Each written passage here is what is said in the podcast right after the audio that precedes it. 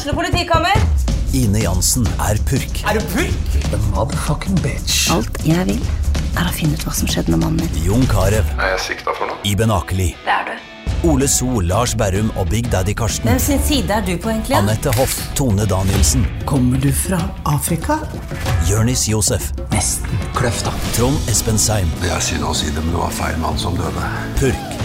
Premiere tirsdag på TV2 Play. Hei, og velkommen til en ny episode av Debrif med Dag Sørås. Så fucking hotellrom er for varm. Eh, Det er mulig de alltid har vært det, men det her er noe jeg har lagt merke til i det siste fordi jeg, jeg sov dårlig. Men ah, det her greien med at det faen ikke går an å lukke opp vinduene ordentlig. Jeg, jeg skjønner at de ikke vil ha papirarbeid og styre hvis noen stuper ut av et hotellrom, men folk finner seg alltid et annet høyt bygg å hoppe ifra. Så det her, det her risken må vi bare ta.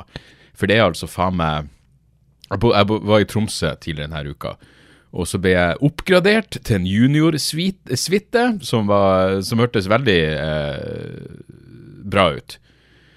Det jeg ikke så for meg, var jo at eh, at det var et eget soverom med et vindu som ikke går an å åpne. Altså et eget rom hvor, hvor man sover, og det gikk ikke an å åpne vinduet. Og den jævla Du kunne slå den aircondition Det er jo ikke aircondition engang. Det er en temperaturgreier ned til 20 grader. Jeg ville ha det adskillig fuckings kaldere enn 20 grader når jeg sov, for helvete. Så jeg lå jo der og vridde og vrei meg. Vridde og vrei. Eh, og mere, til. Halve jævla natta. Og var såpass flink at jeg rørte ikke en, en skvett alkohol på hele turen. Eh, jeg hadde bestemt meg på forhånd. Eh, Hei, det her er firmajobb, og jeg skal ikke henge med noen, og kan man bare reise opp og ned uten å Så, så det gikk greit. Og rett før jeg skulle, før jeg skulle på scenen, så kom han der lydmannen og spurte Hei, hva du vil ha å drikke på scenen. Vil du ha en øl eller noe vin? Eller? Og da blir man sånn Når du, når du sier det, eh, så, så vil jeg ha noe. Så sier han jeg skal sende hovmesteren bort. Så kom det ei dame bort og spurte hva han ville ha, og så sier jeg jeg tar gjerne et glass hvitvin. Og hun bare Ja, har firmaet sagt at det er greit at uh, at du får hvitvin? Og jeg bare Det går jeg sterkt ut ifra. Jeg har vel en, en enhet drikke til maten, og jeg har ikke spist middag, så her går de jo i pluss på det uansett. Og så, så jeg regna med at hun bare tok mitt ord på det, men da har hun gått og spurt noen i firmaet, og så kom hun tilbake og sa dessverre, det, du kan ikke få alkohol, de kan ikke ha det, en utgiftspost med noen form for promille. Men du kan få lettøl eller lettvin eller hva faen hun tilbyr. Jeg bare, bare driter i det. Det er bare så bortkasta. Og etterpå var jeg storfornøyd, for det betyr at jeg klarte å holde meg helt nykter. Men jeg sov så dårlig at jeg holdt faen meg på å kaste opp på flyet tilbake. Og det har ikke skjedd Jeg vet ikke om det noen gang har skjedd før at jeg har vært på nippet til å spy på et fly. For jeg spyr aldri. Eh, dranker, ja. Spyer absolutt ikke. Men det som skal til for å få det til å bekke over for meg, er tydeligvis jævlig dårlig søvn. Da blir jeg så inn i helvete kvalm. Og det skulle tatt seg ut. Om første gangen jeg spyr på et fly, er faen meg den ene gangen jeg var så jævla flink og ikke rørte en dritt fordi jeg ikke kunne få meg et glass vin før jeg skulle på scenen. Uansett. Luksusproblem. Eh, også, et, også et luksusproblem for så vidt er jo at Westworld nå er kansellert. Eh, det blir ikke noe sesong fem. Som jævlig skuffende, fordi de hadde planlagt De hadde skrevet de, Tanken var vel å uh, Ja, at, det, at de skulle gi seg etter sesong fem. Og så er det visstnok ikke populært. Uh, interessen har uh, tilsynelatende gått, gått nedover med hver sesong. Noe ikke jeg forstår, er fortsatt en av mine, mine favorittserier. Jeg hadde en kompis som Fordi jeg har Ritualet mitt er å se de andre sesongene om igjen før jeg begynner på en ny sesong. For det er en ganske komplisert serie. Jeg mener Westworld er en av de få seriene hvor jeg hører på podkaster og ser YouTube-videoer som analyserer episodene. Eh, så det er ganske kompliserte greier. Eh, også mye fordi det, du vet ikke hvilken tidslinje du er på. Um, men poenget mitt er hadde, jeg hadde ikke sett sesong fire ennå. Så var en kompis var sånn du, For jeg la ut et eller annet på Instagram om hvor jævlig det er at det ble kansellert. Og så skrev han bare Ja, men du er enig om at eh, sesong fire sugde? så jeg jeg har ikke sett den ennå, men nå har jeg sett eh, fem av åtte episoder i sesong fire. Og det suger jo på ingen måte. Eh, det er ikke like bra. Uh, men det, det, så det var jeg allerede mentalt innstilt på. Men det er jo på Men da en kompis min sa, som er Westworld-fan, bare sånn Nei, du burde bare gi deg etter sesong tre. Bare er du sinnssyk i, i knotten din? Selvfølgelig skal jeg se alt som er kommet. Skal jeg bare ta en annen person sitt ord på at nei, nei, det er ikke bra. Stol på meg, det er ikke verdt å se. Totalt fuckings bullshit, og det er alltid sånne interessante konsept som dukker opp. Og... Så jeg, jeg koser meg. Uh, den episoden vi så i går, sa plutselig fruen uh, For det er jo sånn serie jeg må se sammen med fruen. Så sa hun bare Eller må, jeg velger å se den sammen med fruen. Og hun velger å se den sammen med meg. Og da er det jo, uh, da er det jo samtykke. Men hun var sånn Denne episoden suger. Jeg bare Jeg vet da faen hva du mener. jeg digger det fortsatt. Så jævlig synd at det ikke blir Jeg leste en artikkel hvor noen spekulerte at da kanskje de lager en film om ti år. For å liksom avslutte det hele. Sånn som de gjorde med Deadwood. Og jeg har fortsatt ikke sett Deadwood-filmen heller. Deadwood er en av mine faktisk favorittserier, så jeg har fortsatt ikke sett Deadwood-filmen. For jeg må se alle sesongene om igjen og så se filmen. Og det tar tid. Og Very Bad Wizards, uh, den nylige, en av mine favorittpodkaster, de har jo nå sånn uh, greie hvor de går igjennom alle Deadwood-episodene. De har en, en podkastepisode om hver episode. Og ja, Så det, det blir et uh, Kanskje det blir et, et juleprosjekt. Nå har jo jeg faktisk en ganske rolig desember. Eh, jeg føler liksom at jeg, jeg gjør ingen av de der uh, standup-greiene uh, si rett eller konvensjonelt i forhold til Hvis du har noen som ikke har Hvis noen bare skal ha sånne høflige spørsmål om, om humor, så er det sånn Å ja, men desember, det er vel Det er vel en jævlig busy måned for deg. Nei, jeg er ikke noen julebordskomiker. og det har ingenting med Det er ikke noe prinsippgreier. Jeg, jeg er bare ikke jeg blir veldig sjelden spurt om julebord. Jeg skulle gjøre en greie i Tromsø og en greie i Mo i Rana i desember, og that's it. Så er jeg noen klubbjobber. Og, og, utenom det så er det stille og rolig. Og jeg, jeg klager ikke. Eh, som sagt, jeg er ikke noen prinsipiell motstander av julebordsjobber. Eh, de er jo sjelden gøy, men, men eh, jeg skjønner jo hvorfor du heller eh, Hvorfor du heller vil gå for noen som eh, kanskje er litt safere i forhold til selv om det skal sies, altså, jeg, jeg, jeg gjør firmajobber bra. Jeg, jeg kan tilpasse sånn som greiene jeg gjorde nå på tirsdag. Det var for noen folk som jobber i utdanningssektoren. Og eh, ja, jeg prata om eh, min erfaring både fra barnehage, ungdomsskole, videregående eh, osv. osv. Så, videre, så det er ikke det det skal stå på. Men eh, men en sånn ordentlig helvetes julebordsjobb, det kan jeg ikke huske sist gang jeg hadde. Og, eh, og takk faen for det. For jeg, det jeg kan huske, er at hver gang jeg gjorde en konvensjonell julebordsjobb, så fikk jeg bare lyst til å, til å slutte, med, slutte med humor. Uh, jeg spiller det her inn på torsdags uh, Jeg vil faen meg si morgen. Når klokka fortsatt er ni etter annet, da er det morgen. Uh, så ja, når dere hører det her, så De av dere som er, som er på Patrion, patrion.com dere får episoden med det samme jeg har spilt den inn. Uh, og til dere kan jeg jo si at jeg er i Lillehammer i kveld og står på nikkers. Til resten av dere, jeg var i Lillehammer uh, i går og sto på nikkers. Så, uh, så, sånn er det. Jeg skal gjøre en greie når vi er inne på litt sånn ukonvensjonelle jobber. Jeg skal gjøre en greie på Litteraturhuset i morgen. jeg skal komfe Eller komfe skal jeg jo ikke. Jeg skal være Hva man kalle det? Moderator. Det var Kevin Kildahl sendte meg en melding i går og så spurte han du, på, på hjemmesida til Feelgood så står det at du er moderator. Hva det betyr? Jeg bare fuck, jeg hadde ikke ingen anelse om at jeg blir omtalt som moderator. Uh, så det må vi få fiksa på. Men det er vel en slags ordstyre, går jeg ut ifra. Men jeg skal i hvert fall være med på Fritt Ord har et sånt uh, arrangement på Litteraturhuset om ytringsfrihet i praksis eller noe sånt. Hvor de har uh, invitert, eller ja, jeg vet da faen hvordan folk har meldt seg på, men ferske komikere skal gjøre fem minutter standup med, med ytringsfrihet som tema. Så jeg skal introdusere det der, og så skal jeg liksom si hva jeg syns.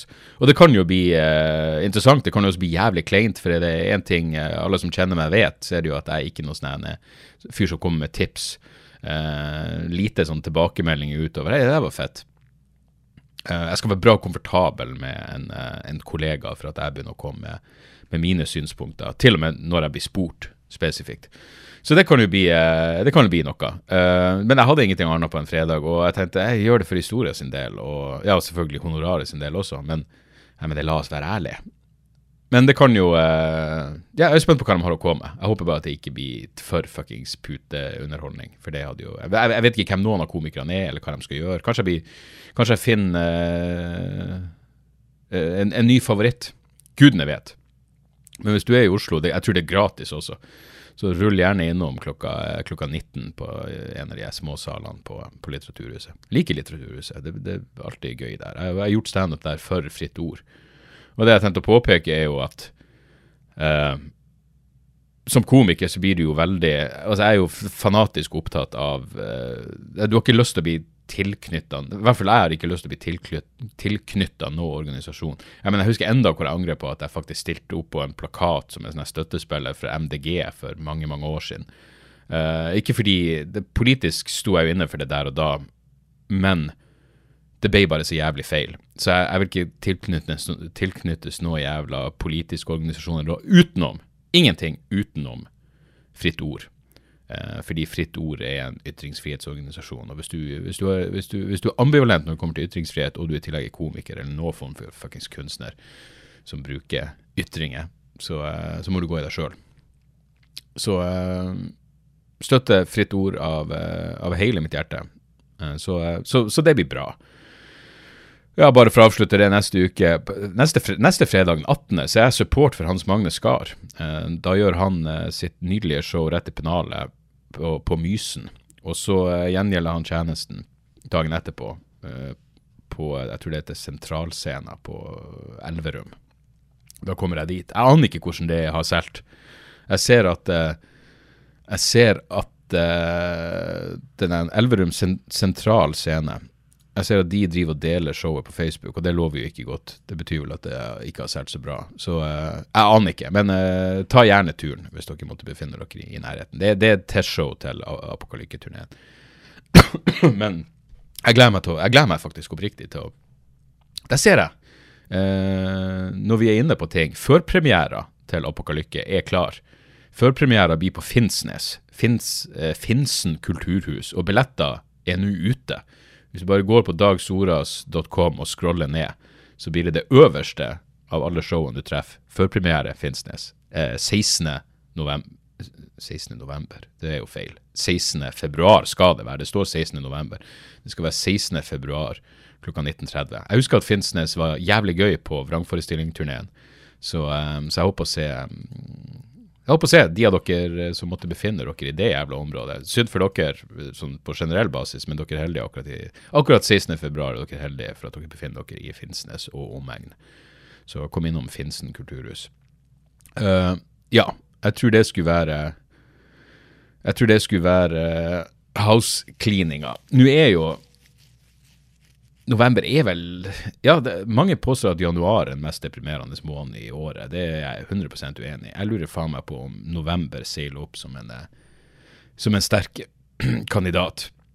I tillegg så føles det jo som det har regna i månedsvis i Oslo. Det var faktisk sol i går, så det var jo eh, et fantastisk eh, Bare at sola stakk frem, det var jo faen meg som Det var jo faen meg som å være på, på Svalbard med den festen etter endt mørketid. Og eh, to ting i forhold til Svalbard. Den hyggelige tingen først. Eh, det ser ut som det blir et show på Svalbard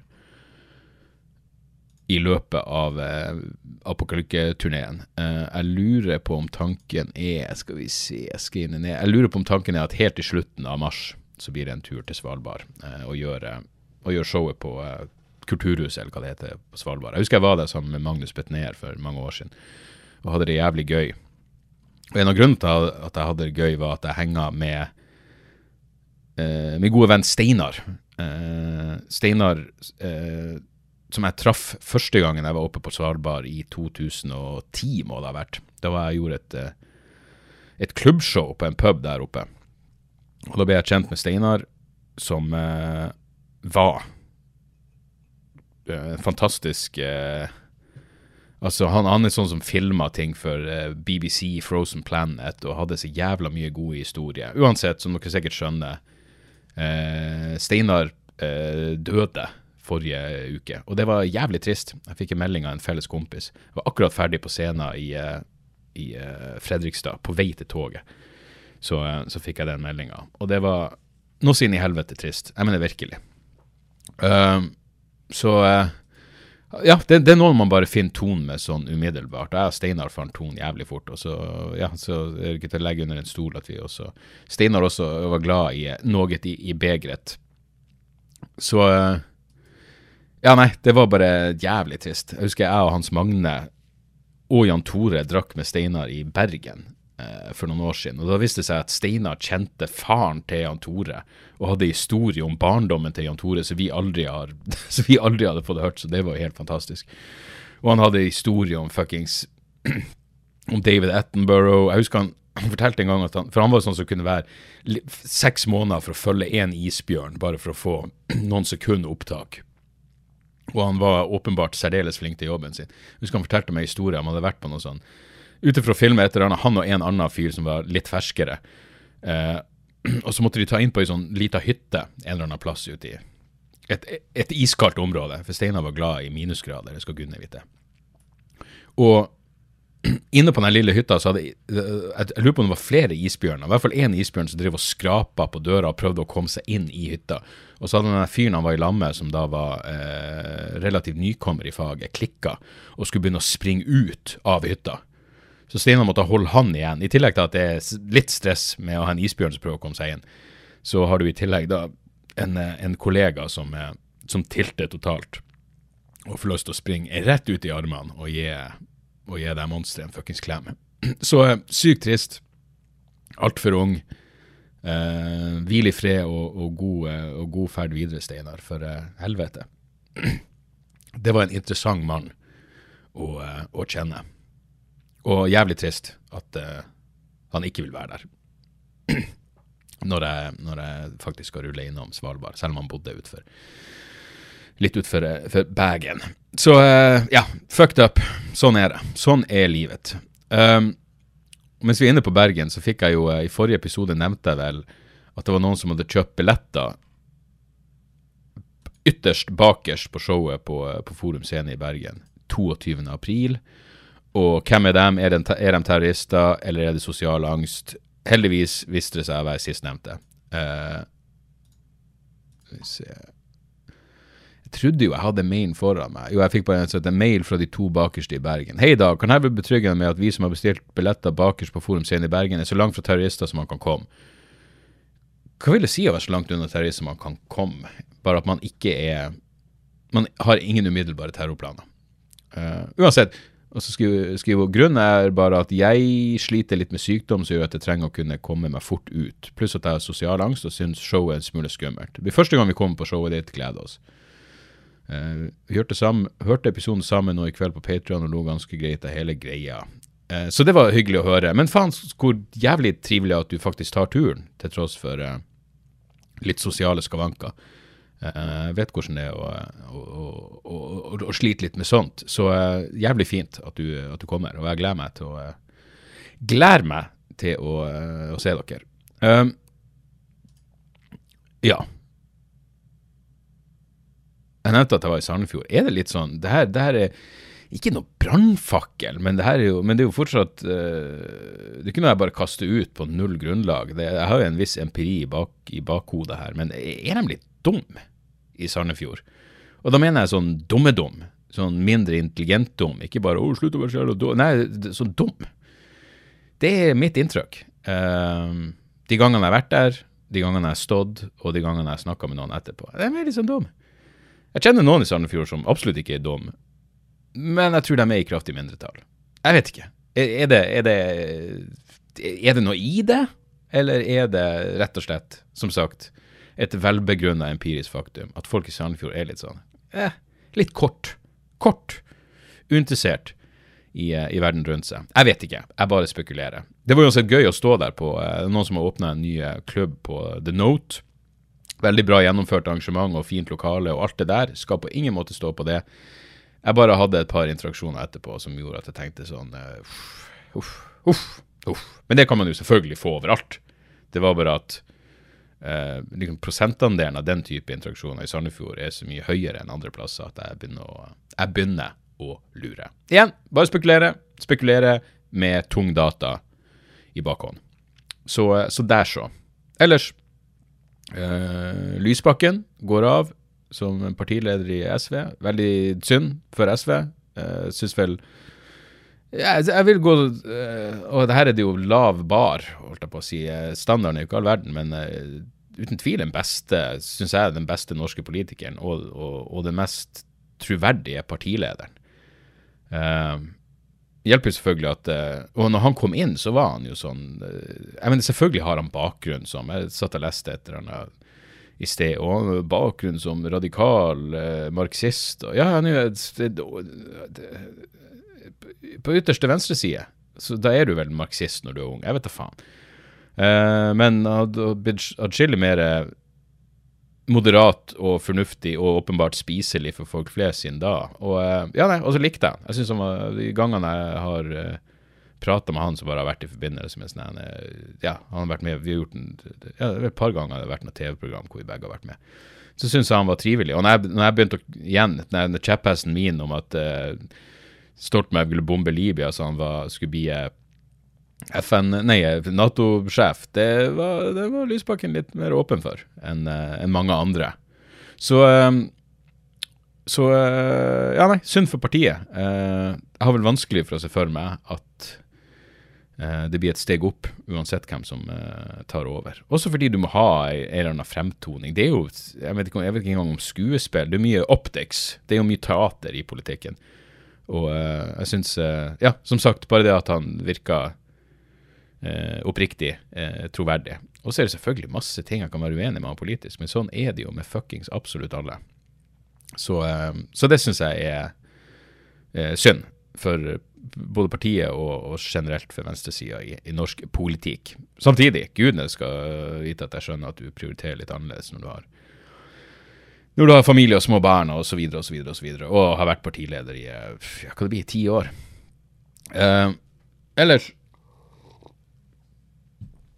Den her Jeg vet ikke om uh, Gud. Det, det, det er så deprimerende når du liksom Hvis du noen gang er inne på Altså, jeg bruker jo Jeg vet da faen hvorfor jeg fortsatt har et Spotify-abonnement, for å være helt ærlig. Jo, det vet jeg, jo. det er fordi fruen og Sander uh, Fruen og Sander uh, bruker Spotify for podkaster og musikk. Jeg bruker Tidal fordi jeg vil ha det ukomprimert og alt det der. Men det gjør jo at jeg da, når jeg er inne, og så kan du gå inn og se, og så er det Og så er det jo fuckings Rogan, da.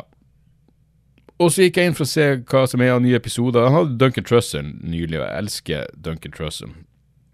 Så, eh, så jeg tenkte det kunne ikke Å, gud, han faen meg Bjørn Lomborg også. Men uansett, så jeg går inn og ser Å, Matt Welch. Det er jo Matt Welch, ja. Igjen relativt mye jeg er uenig med han i. eh, libertarianer, men også med i den nydelige Fifth Column-podkasten, som er en av mine favorittpodkaster. Så blir det interessant å høre han. Se, nei, det er jo ikke Matt Welch, det er jo Matt Walsh. Den der helvetes hacky, hjernedøde tomsingen fra Ben Shapiro sitt Daily Wire. Og så er det nå et fuckings eh, Et klepp som da sprer seg. Og da, da er det viktig å huske Matt Walsh har laga en dokumentar som heter What is a woman? Som visstnok er så jævla fantastisk. Eh, Rogan har prisa den, og ja, nei, de er progressive faen. De, de vet ikke hva kvinnfolk er engang. Eh, gå inn på Lonerbox på YouTube og se hans eh, eh, eh, obduksjon av Matt Walsh sin eh, særdeles tomme retorikk. Men uansett, Rogan elsker selvfølgelig den der dokumentaren, så han skal ha den her fyren her. Og her, her er du eksperten da på transproblematikken, som han vil kalle det, transpersonen. Han er eksperten. Han har i årevis forska og vært reporter og, og undersøkt, og virkelig gått inn i, eh, i hele transideologien og transproblematikken og bla, bla, bla. Og så spør Rogan han, jeg tror det er om sånne pubertetsblokkere, puberty blockers, hvor mange som, som, som går på det. Og da sier Matt Walsh ja, det må være i millionene. Og så er det sånn Å, OK, wow. Og det er vel fordi Rogan sier wow at han blir sånn eh, Eller han sier really? Og eh, de klarte å gå videre. Men så har jo Rogan der Jamie som da skal slå opp, og da er det jo noen tusen. Uh, og Matt Walsh er sånn det, Sier du det? Å ja. Nei, jeg vil si det var i 100 000. Ja, du sa akkurat millioner, men, nå er det i 100 000, nå når du vet at det er 4000, eller hva det er. Det burde være flaut når det her er eksperten. Det burde være fuckings flaut når du har fått en fyr på podkasten din fordi han skal være ekspert på transproblematikken, og så, eh, og så sier han millioner når det er snakk om et par tusen. Det er så inn i helvete jævla flaut. Og så går jeg selvfølgelig inn i Rogan-hat, og så ser jeg igjen på YouTube at det dukker opp et klipp hvor det bare står Joe Rogan og Matt Walsh disagree about gay marriage. Og klippet varer kanskje et kvarter. Det var nesten så jeg ikke Hvis jeg ikke hadde vært i en tilstand, så tror jeg faen ikke jeg hadde klart å se det ferdig. Det er altså så Jeg mener, jeg, jeg skjønner ikke at det er Daily Wire, Ben Shapiro nei, gjengen altså, De har ingenting.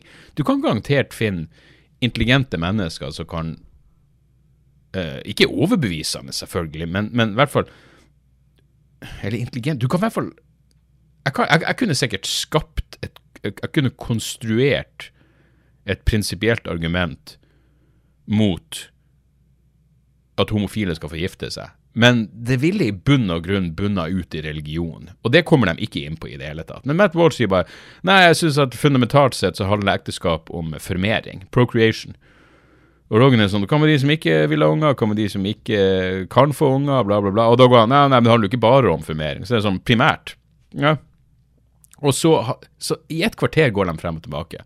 Og Rogan skal i det minste ha at han han setter han på plass gang etter gang, men går på ingen måte langt nok i å bare si hva er det her for noe? Du har bare bestemt deg for noe. Hvis det, hvis du har et Jesus, hvis det er noe gammeltestamentlig, hvis det er noe helvetes eh, Ja, hvis det er Ben Shapiro som har satt noe, noe jævla eh, gammeltestamentlige ideer i hodet ditt, så si det nå bare. I stedet for å sitte og late som du har et filosofisk argument mot at homofile skal få gifte seg. Det er bare så jævlig dumt. Og så begynner han til og med Nei, men da må man jo få gifte seg med unger, da må man jo få det bare utvarende begrepet. Altså, det er, er det er det her mennesker man skal gidde å forholde seg til på verdens største jævla podkast?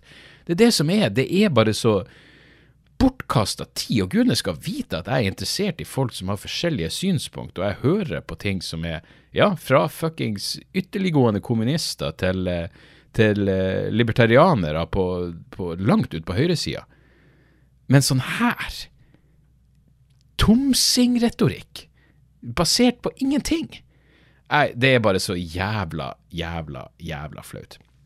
Uh, også, men ja, nei, så da, da hører jeg heller på Knowledge Fight kort fortalt. Uh, knowledge Fight som, som, som uh, Det er ingen som vet mer om Alex Jones enn Knowledge Fight. Jeg tror nok de vet mer enn Alex Jones om Alex Jones.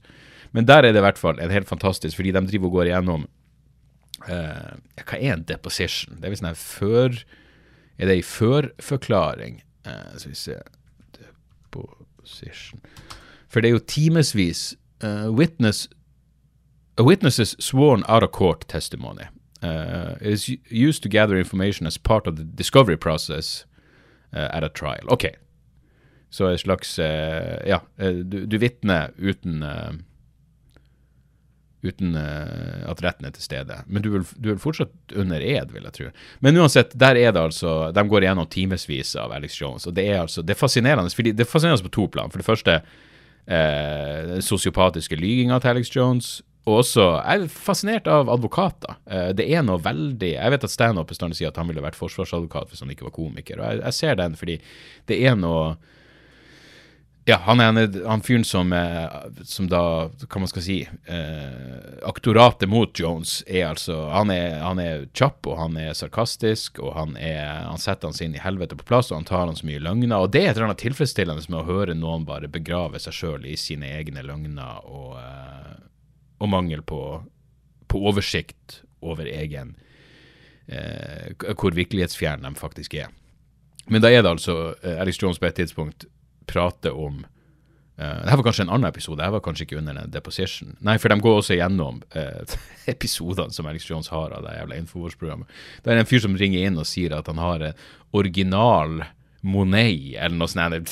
Noe som åpenbart er bullshit. Han har et eller annet maleri som sikkert er verdt millioner, som han vil donere til Alex Jones. Og da begynner Alex Jones å prate om at ja, hvis du har noe du vil donere, så gjør det. Det går for å holde operasjonen gående. Og, så sier Alex Jones at han har levd på smålige 40 000 dollar i måneden. Da, han er the common man, det liker han å si. Han er en av folket, han er en av guttene. Han er en av guttene på gulvet, men han har 400 000 i måneden. Som jeg tipper relativt langt over snittet. Og da, da var det smålig. Uh, det er jo ned fra jeg vet da faen, en million i måneden. Gudene vet. Uh, altså en million dollar i måneden. Eh, bare 400 000 kroner i måneden. Stakkars, stakkars jævel. Og likevel så driver folk og ringer inn at de skal selge bilen og gi til han. Og, nei, det er Satan! For et fuckings udyr. Uh, og så er det det mørkeste av alle de Knowledge Fight-episodene, en episode hvor Alex Jones blir tvungen til å lese opp eh, vitnemålet til en av de første som gikk inn i eh, For det handler jo om eh, den hetsen og ærekrenkelsen og eh, trakasseringa Alex Jones satte i gang mot foreldre som fikk ungene sine drept på, på Sandy Hook eh, skole i 2012. Så Alex Jones blir under det her under denne deposition tvungen til å lese eh, vitnemålet til en av de første som gikk inn um, etter massakren. Og selv når Alex Jones skal lese opp horrible beskrivelser av døde barn, så begynner han med konspirasjonsgreiene sine. Altså, det er helt utrolig. Så han leser opp, og så sier han, eh, Jeg husker ikke hva han var for noe, han, eh, om han var politimann eller hva det var for noe. Så sier han ja, han kom inn, og så Der lå det to døde voksne. Og Alex Jones leser det her sjøl. Og så sier han sånn Der ligger det to døde voksne, og så så han det han trodde var et dødt barn, og så viste det seg å være en hel haug med døde barn. Jeg mener, det her, er, det her er så jævlig så du får det. Og Alex Jones sitter og leser der. Og så sier han eh, Nei, i, i, i, han, Øyenvitnet da sier på et tidspunkt sånn hadde, Det var nesten overraskende lite blod. Og da begynner Alex Jones. Ja, det er jo rart. Det er jo rart. Overraskende lite blod. Ja, når du har blitt skutt og bla, bla.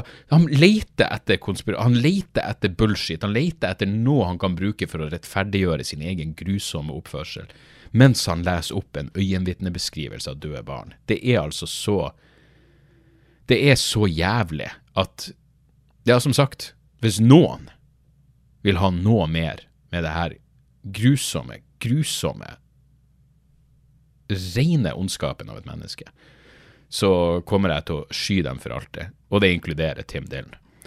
Uh, Nå skal det jo sies at Tim Dylan sin podkast, helvete, den har tatt noen steg nedover. Jeg skjønner at det kan være opp og ned. Jeg vet at min podkast var ganske deprimerende i stund, fordi livet ikke er tipp topp. Så, så på et eller annet tidspunkt så innså jeg må, jeg må Det er vanskelig å gjøre det her uten å bli prega av hvordan du har det. Fordi det er bare jeg som sitter og prater for meg sjøl her. Og når ting er tungt, så er det vanskelig å ikke Det skinner gjennom. Men på et tidspunkt så tenkte jeg enten må jeg bare la være å gjøre podkasten, eller så må jeg prøve å, å fokusere på, på, noe annet. Så det er det jeg gjør. Eh, men jeg, jeg håper jo at underholdningsverdien har gått litt opp, at det ikke har vært så depressivt i det siste. Da. Det vil jeg tørre å påstå. Jeg har fått noen mailer som tilsier det, og det er jo eh, hyggelig å høre. Men i hvert fall, Tim Dillens podkast har virkelig eh, gått nedover etter at Ben Avery, produsenten, hadde slutta. Fordi det var hele dynamikken. Sånn som i går så gikk jeg en, en kveldstur. Jeg prøver nå å komme i gang med jogginga igjen, og så nå har jeg satt meg sånn moderate 12 000 skritt om dagen. Og nå prøver jeg virkelig å holde det, sånn at jeg gikk en tur i går kveld, selv om fruen gikk og la seg når vi hadde sett ferdig Westworld. Så var klokka noen kvart over elleve, og jeg var på 10 000 skritt. Så tenkte jeg fuck, jeg må bare ta en liten tur bare for å få de 12 000. Og det hadde jeg ikke hatt den klokka, jeg hadde ikke hatt Garmin-klokka, så, så, jeg våkna opp til en melding bare Det ser bra ut, du, mange, du har nådd skrittmålene. Fire dager på rad, og så bra for deg. Den lille motivasjonen skal til. og Anne Marie sa til meg sånn ja, du blir veldig opptatt av de tallene. og det er, sånn, ja, det er egentlig ikke det. Det er prinsippet i å gjøre det du har sagt du skal gjøre. Det har egentlig ikke noe med tallene å gjøre i den forstand. På, på et visst nivå har det jo det, men først og fremst er det bare jeg skal gjøre det jeg har bestemt meg for å gjøre hver dag. Uh, men poenget mitt er, da gikk jeg og hørte på en Tim Dylan-episode fra september. Som vel Jeg lurer på om det var den siste hvor uh, Ben Avery var produsent. Og helvete, så sykt gøy det er. Men når dynamikken dem imellom Altså, ingen er bedre enn Tim Dinn til å bare sitte og rante og rave, men det er åpenbart at han trenger noen der. Han trengte Ben der, fordi det podkasten er nå, er en intervjupodkast, og Tim Dylan er en ræva intervjuer. Han er ikke god til å intervjue folk. Og jeg hørte på den med Robert Kelly, og den var rett og slett kjedelig. Jeg kjeda meg når jeg hørte på den. Og sånn skal det ikke være. Så øh, jeg tror mange, sikkert meg sjøl inkludert Nei, egentlig ikke, fordi jeg bestandig Jeg elsker å høre det har noe Det blir jo motsetningene liksom jeg sitter her alene, men, men liksom når, du, når, du, hører noen prate, og så er det noen andre der som reagerer og flirer, og da får du mer blod på tann. og uh, Lettere å improvisere, vil jeg tro, når, når noen sitter og glor på deg. Men hva jeg skal gjøre? Skal jeg sette Rick i stolen? Rick er min produsent. Rick Dog sitter og stirrer på meg. Jeg vet ikke helt hva det, hva det skal, skal hjelpe. Uh, men uansett, siste saken jeg ville ta opp, var jo at det har vært et nytt uh, et nytt uh, Hva de kaller det? Ekspertutvalg? Er det det de kaller det? Maktmiddelutvalget til regjeringa går inn for generell bevæpning av politiet. Uh, et lite flertall, og alle de som stemte for, jobber i politiet. i en eller annen form for kapasitet. Så bare der er det jo litt sånn mm. Av utvalget så var et flertall av de som gikk inn for generell bevæpning, politiansatte. Jeg lurer bare på hvilken måte funker ikke dagens ordning. Det er det jeg lurer på. Jeg mener, Hva er eksempelet? Uh, jeg tror det var fuckings helvetes uh, Jan Willy. Tidligere justisminister Jan Willy, en av de tommeste tomsingene i kongeriket Norge. Jeg lurer på om han som nevnte London pub-skytinga som et eksempel. London, det, må vi minne folk på at det var ubevæpna sivile som stoppa terroristen under den terrorskytinga? Det var ikke politiet. Uh, men det var en sak i Aftenposten som virkelig Skal vi se her. Flertallet her er eh, Mandag la maktmiddelutvalget frem en utredning. Den anbefaler at norsk politi skal bevæpnes permanent. Dette er ikke en god idé, folkens. Eh, og hvis dere vil vite hvorfor, eh, gå, slå inn vitsen som alle skal drive og stjele fra meg. Skal vi se her Jeg husker ikke hva jeg kalte den. Bevæpnet Uh, Dag Sørås bevæpna politiet en trussel mot seg sjøl. La han ut for fire år siden. Faen meg noen som har lagd en sånn reaksjonsvideo. 'American reacts to Norwegian comedy'. Bevæpna politiet en trussel mot seg sjøl. Ok, den blir jeg nødt til å sjekke. Men i hvert fall, poenget er uh, Anbefaler bevæp uh, permanent bevæpning. Flertallet besto av fire politiansatte i tillegg til utvalgsleder, professor og tidligere, og tidligere politihøgskolelærer Pål Arild eh, Lagestad. Mindretallet besto av tre sivile representanter. De mener politiet i hovedsak ikke skal bære våpen. Og så kommer det. Nå kan Aftenposten fortelle hvordan to spørreskjemaer ble en del av grunnlaget for anbefalinga. Disse var det utvalgslederen som laga. Altså utvalgslederen Pål Arild, som tippa tippa skål, vektskåla til mot bevæpning. Um, undersøkelsene fikk henholdsvis 197 og 179 svar. Den første undersøkelsen handler om ulik uniformering og bevæpning påvirker folks tillit til politiet. Lagestad og flere politistudenter sendte ut undersøkelsen. Det skjedde via sosiale medier og e-poster til kollegaer på Nord universitet. Undersøkelsen fikk 197 svar. Den andre undersøkelsen handla om politiets maktmiddelbruk. Dette spørreskjemaet sendte Lagestad ut til rundt 800 tilfeldige utvalgte politifolk. Bare 22 svarte. Få svar hindra ikke utvalget i å bruke tall fra undersøkelsen i den endelige rapporten. Uh, så undersøkelse én spurte venner på sosiale medier. Så Lagestad vi skulle gjerne hatt uh, større undersøkelser å lene oss på. Derfor ville han supplere med egne spørreskjema på nett. Så han la ut på fuckings Facebook. Her er en link til spørreundersøkelsen om publikums holdning til politiets maktmisbruk. Så hans venner. Undersøkelsen vies omtrent tre sider i rapporten. Publikum blir bl.a. bedt om å se på bilder av politifolk med og uten våpen. Deretter skulle de svare på i hvilken grad politiets uniformering på bildene påvirker trygghetsfølelsen og tilliten til politiet. Uh, altså, det her, det her, må du gå inn og se på. Jeg skal linke til den i, i shownotes. Jeg, jeg, jeg, aner ikke hvordan i helvete du føler det, det, kan jo være Er det posituren? Posituren til den ene åpenbart politidame er litt annerledes på det bildet hvor hun har våpen, for hun føler seg åpenbart uh, tøffere der. Mer i stand til å forsvare seg. Uh,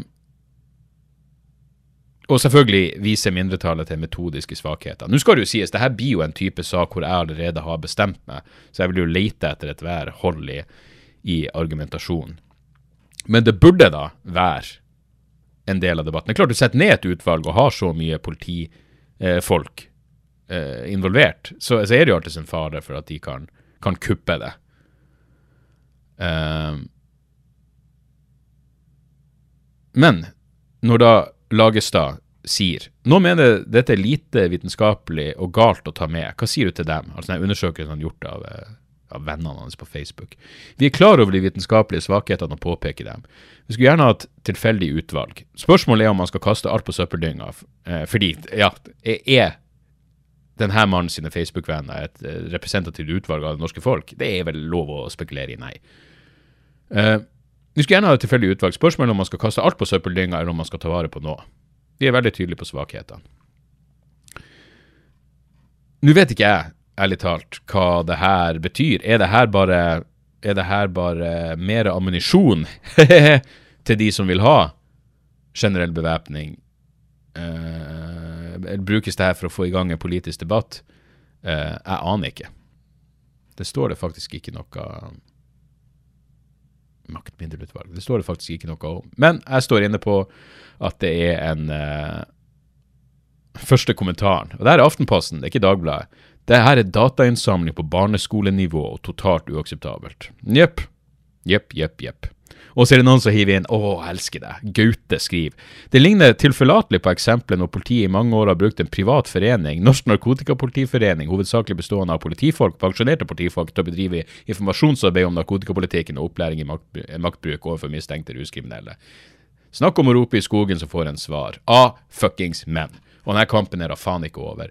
Og med det sagt, jeg er for eh, eh, fremskutt lagring, sånn som de har. Jeg er for eh, til og med punktbevæpning, eh, altså at enkelte eh, spesifikt utsatte plasser kan det være lurt å ha bevæpna politi. Så det her er ikke noe, noe prinsipiell motstand mot at det norske politiet skal ha tilgang på våpen i det hele tatt. Det handler om generell bevæpning og alle de eh, negative konsekvensene det kan få. Så der, så. Jepp. Det var det, folkens. Eh, jeg er nødt til å eh, komme meg i dusjen, og så skal jeg hive meg på toget. Eh, for jeg, i dag må jeg, jeg, må, jobbe litt. Jeg må, jeg må fucking strukturere det showet. Jeg har skrevet noen nye ting. som jeg, Det der med å gå kveldstur er faen meg gull. For nå har jeg gjort det to-tre dager, og det å bare trå rundt og være i sine egne tanker, høre på noe musikk som jeg allerede uh, Som sett, ikke ny musikk, noe jeg har hørt mye på. Jeg hører på The Sadies. Det går jævlig mye The Sadies uh, for meg på, på meg for tida. Men da kan jeg liksom få noe Og så går jeg og tenker på materialet mitt. Da kan det dukke opp noe. Så jeg har noen nye ting som må snøvres inn og se om det passer, og, og alt det der. Det, det jobb, jobb, jobb. Man hviler aldri, i hvert fall ikke før desember kommer og alle andre komikere har julebordsjobber hver dag. Da sitter jeg der. Uh, uansett, et par tips helt på slutten. Uh, jeg nevnte Westworld. Hvis dere liker Westworld, hør på Beyond Westworld-podkasten. Uh, den er Den kan absolutt uh, anbefales. Uh, det er to stykker, to nerder, om jeg så skal påstå, som, ja, som diskuterer hver episode. Det er en episode om hver episode i Westworld. Og jeg har kun hørt på sesong tre og fire, men jeg liker det veldig godt. Det er flere Westworld-podkaster der ute, i tillegg til enkelte YouTube-kanaler. Men jeg liker de her to, og de har alltid gode, gode poeng og gode innsigelser. De, de er liksom ikke sånne totale fanboys som bare ukritisk aksepterer absolutt alt. Så Beyond Westworld-podkasten. Og så vil jeg anbefale ei skive, og det er ja, Kaller man det supergruppa? Morbicon. Morbicon. Skiva heter Of Mournful Altså OV, selvfølgelig, det er jo black metal. Of Mournful Twilight. Og det her er rett og slett det nye prosjektet til Dave Whitty fra Municipal Waste. Han har jo allerede uh, Cannabis Corps og uh, Ja, han har masse forskjellige uh, sideprosjekt. Og helvete, for et musikalsk unikum denne mannen er.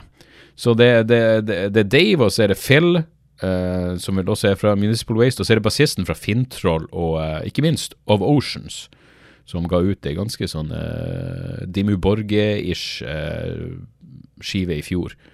Uh, det her er dritbra. Det er så mange hooks. Det er, det er, black metal, men det er melodiøst, det er hooks, det er variert. Det er, og det er åpenbart lagd av noen som bare fuckings elsker sjangeren. Og ja, det, det, de sier at det er inspirert av 90-talls black metal. Og, uh, uh, men noe av det som selger meg, er også hvor jævla variert det er. Og så er det dritbra produksjon. Det er en moderne skive i 2022 inspirert av 90-talls black metal, og det er rett og slett dritbra. Så den anbefales nå inn i helvete. Morbicon. Så, så der, så. Utenom det, eh, gå på dagsoras.com. Der finner du alt av eh, kommende show, apokaly apokalykkeshow og andre show. Patreon.com slash dagsoras for, eh, for bonusepisoder. Det kommer en ny Patreon-bonusepisode i morgen, tenker jeg. Og så, utenom det, takk for at dere hører på. Kos dere. Så snakkes vi snart igjen. Tjo og motherfuckings hei. Har du et enkeltpersonforetak eller en liten bedrift? Da er du sikkert lei av å høre meg snakke om hvor enkelt det er med kvitteringer og bilag i fiken, så vi eh, gir oss her, vi. Fordi vi liker enkelt. Fiken superenkelt regnskap.